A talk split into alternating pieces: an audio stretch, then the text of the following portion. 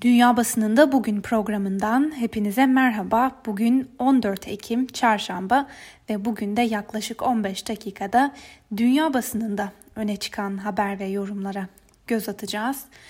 Bültenimize bir kez daha Amerikan basınının en çok konuşulanlarıyla başlayacağız.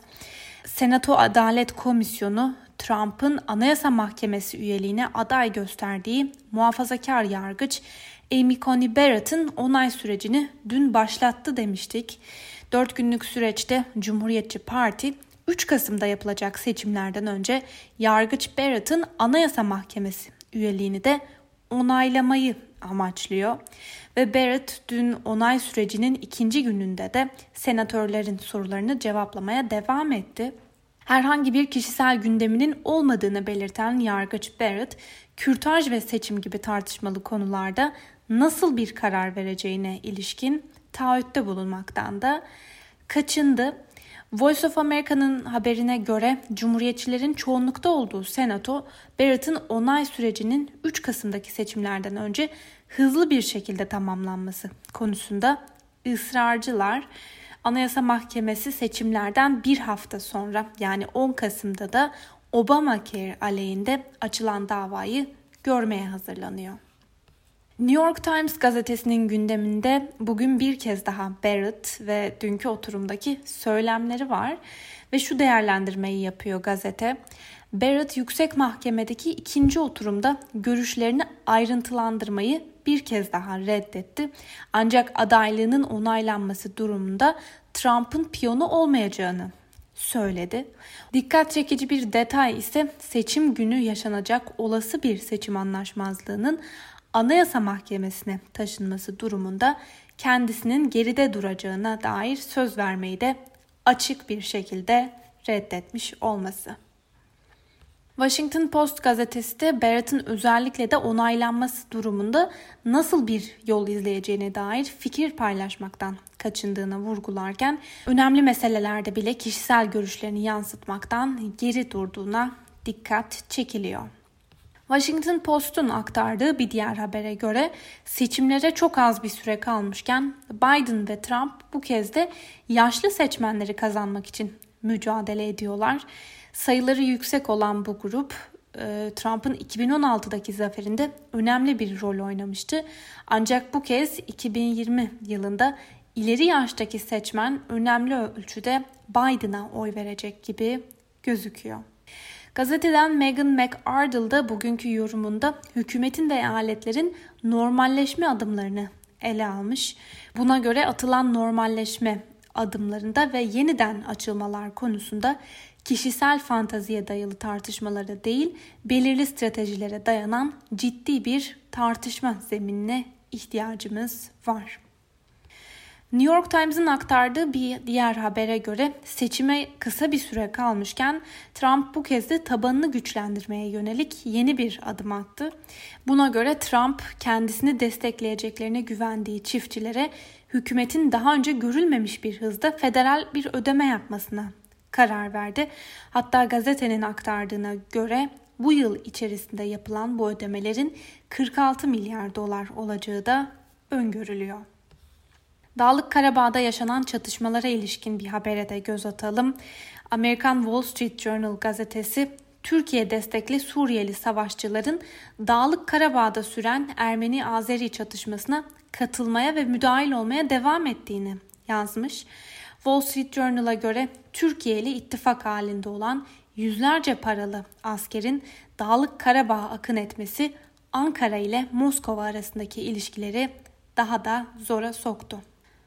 Amerikan basınından aktardığımız bu haber ve yorumların ardından bültenimize İngiliz basınıyla devam edelim. Ee, The Times gazetesinin bugün önemli bir iddiası var ilk sayfasında.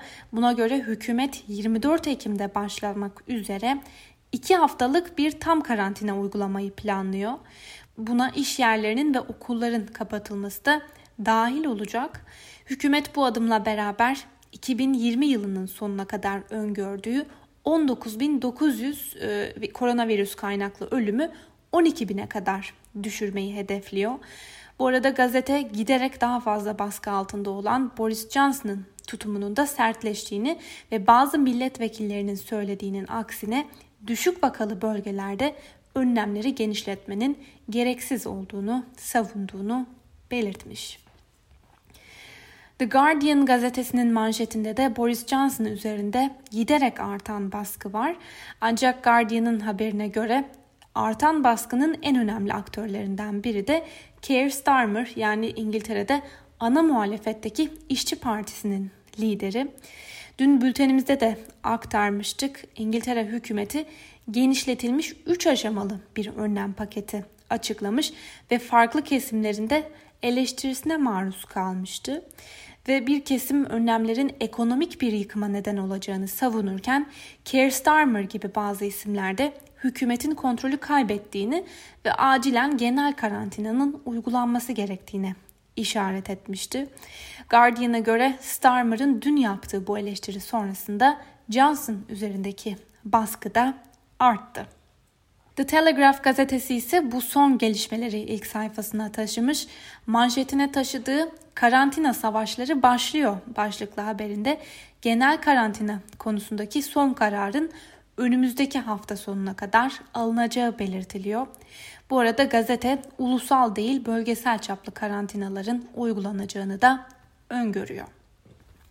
Bugün BBC'nin de gündemine taşıdığı dikkat çeken bir yazıyla devam edelim.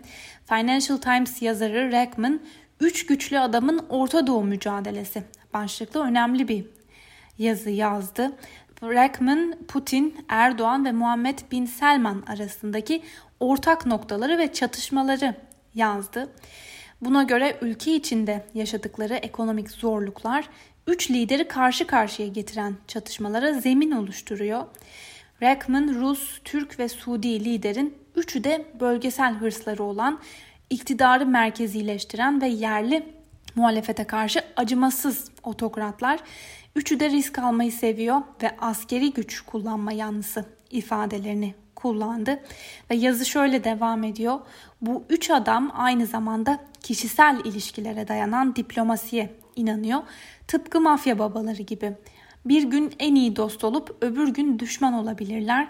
Bu önemli çünkü çıkarlarının çatışması Orta Doğu'dan Kuzey Afrika'ya ve Kafkaslara kadar geniş bir alandaki çatışmaları da tetikliyor. Düşmanlıkları kontrolden çıkarsa bunun acısını da siviller çekiyor. Financial Times'ta yayınlanan bu yazının ardından İngiltere'yi yakından ilgilendiren bir haberle devam edelim.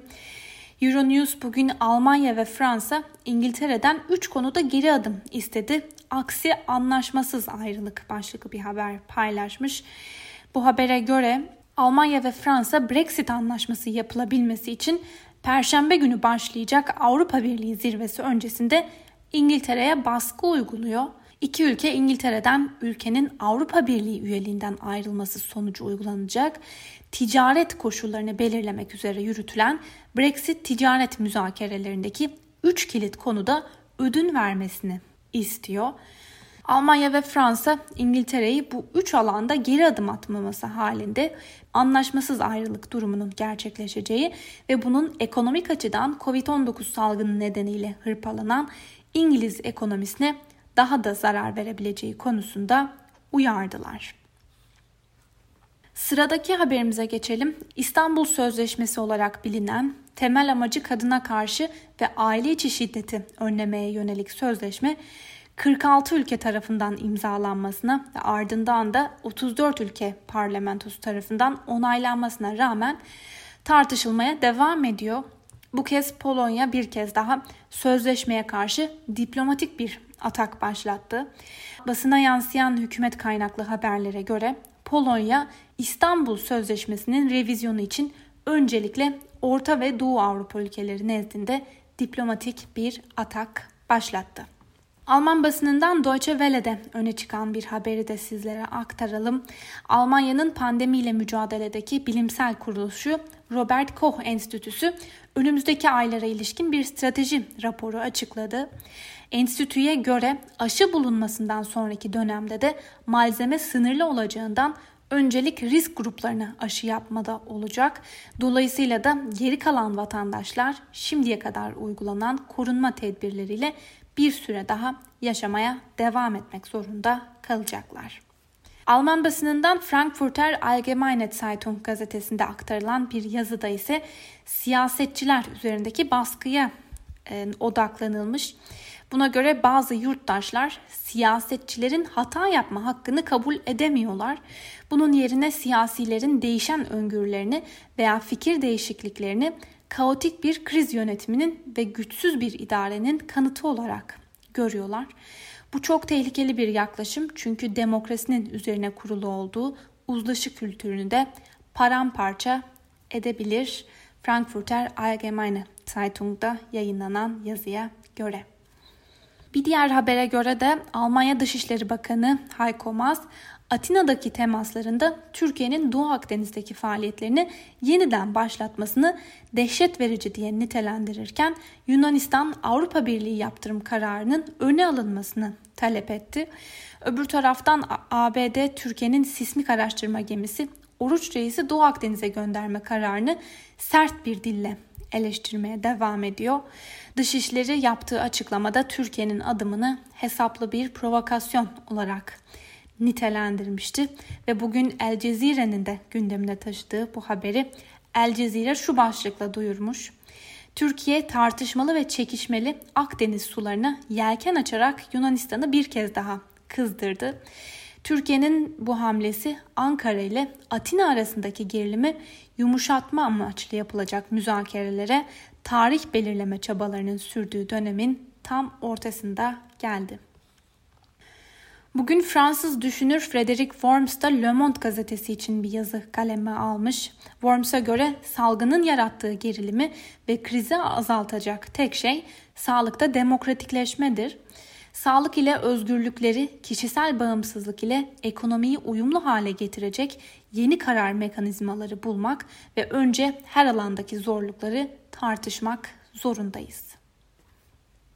İtalyan basınından The Local'ın gündemine taşıdığı bir habere göre İtalyan hükümeti salgınla mücadele etmek amacıyla özel partilerin yasaklanması, restoran ve barların e, gece yarısına kadar açık kalması gibi 30 gün süreyle uygulanacak olan bir takım yeni önlemler aldı. Bu arada ülke çapında vaka sayıları da artarken ülkenin doktorlar sendikası benzer bir gidişatla sağlık sisteminin 5 ay daha direnebileceğini belirtti. Vakaların hızla arttığı Fransa ile kıyaslama yapan sendika şu yorumu yaptı. Vaka sayısındaki artış Fransa'da görüldüğü gibi bir artışa geçerse sistemimiz buna en fazla 2 ay süreyle dayanabilir. İsrail basınından Yerusalem Post gazetesi ülkedeki liderlik krizine işaret ediyor. Buna göre İsrail'de süren liderlik krizi ülkenin Covid-19'a karşı yürüttüğü savaşı kaybetmelerine neden oluyor. Bazı dünya liderleri verilen mücadelede kişisel bir örnek oluşturmanın önemini kavrarken bazıları ise tam aksine bu ilkeyi terk etmiş gibi görünüyor. Yerusalem Post gazetesinde aktarılan yazıya göre. Rus basınından Moscow Times'ın gündeminde bir kez daha Belarus var ve Moscow Times'ın Tikhanovskaya Lukashenko'ya istifa etmesi için ultimatom verdi başlığıyla aktardığı habere göre. Belarus'un muhalefet lideri Svetlana Tikhanovskaya devlet başkanı Alexander Lukashenko'nun 25 Ekim'e kadar istifa etmemesi, şiddeti durdurmaması ve siyasi tutukluları serbest bırakmaması durumunda ülke çapında grev çağrısında bulunacağını açıkladı. Bu arada Rus basınından Novaya gazetanın da Lukashenko'ya ilişkin önemli bir yorumu var. Lukashenko geçtiğimiz cumartesi akşamı sürpriz bir adım atarak tutuklu muhaliflerle cezaevinde görüşmüştü. Hatta devlet medyasına göre Lukashenko anayasa reformunu görüşmek üzere cezaevine gitmişti. Hükümet karşıtı duruşuyla bilinen Novaya gazetanın e, bu konudaki yorumuna göre Lukashenko'nun bu son hamlesi teslimiyetinin ilk işaretiydi. Birincisi Lukashenko yurt dışından farklı biçimlerde ve farklı amaçlarla da olsa hem batıdan hem de doğudan baskı görüyor. İkincisi yalanlar da artık işe yaramıyor. Ne Lukashenko'nun kazandığı yalanı ne de suçluların demir parmaklıklar ardında olduğu yalanı. Ve son olarak Japonya basınından The Japan Times e, ülkenin Covid-19 salgınıyla bir kez daha gündeme gelen ve endişe yaratan meselesine odaklanmış. Buna göre Japonya'da bir kez daha artışa geçen intihar oranları COVID-19'un zihinsel sağlık üzerindeki etkilerini net bir şekilde ortaya koydu. Japonya'da son 20 yılda büyük uğraşlar sonucu azaltmayı başardıkları intihar oranları senenin başında ortaya çıkan koronavirüs salgınıyla bir kez daha artışa geçti. Özellikle kadın ve kız çocuklarının doğrudan etkilendiği ülkede Eylül ayında 1800'den fazla kişi intihar etti. Aynı dönemde 20 yaşın altındaki kadınlar arasında intihar oranı geçen yılın aynı dönemine kıyasla 4 kat daha fazla. Sevgili Özgürüz Radyo dinleyicileri, Japan Times'tan aktardığımız bu haberle birlikte bugünkü programımızın da sonuna geldik. Yarın aynı saatte tekrar görüşmek dileğiyle. Hoşçakalın.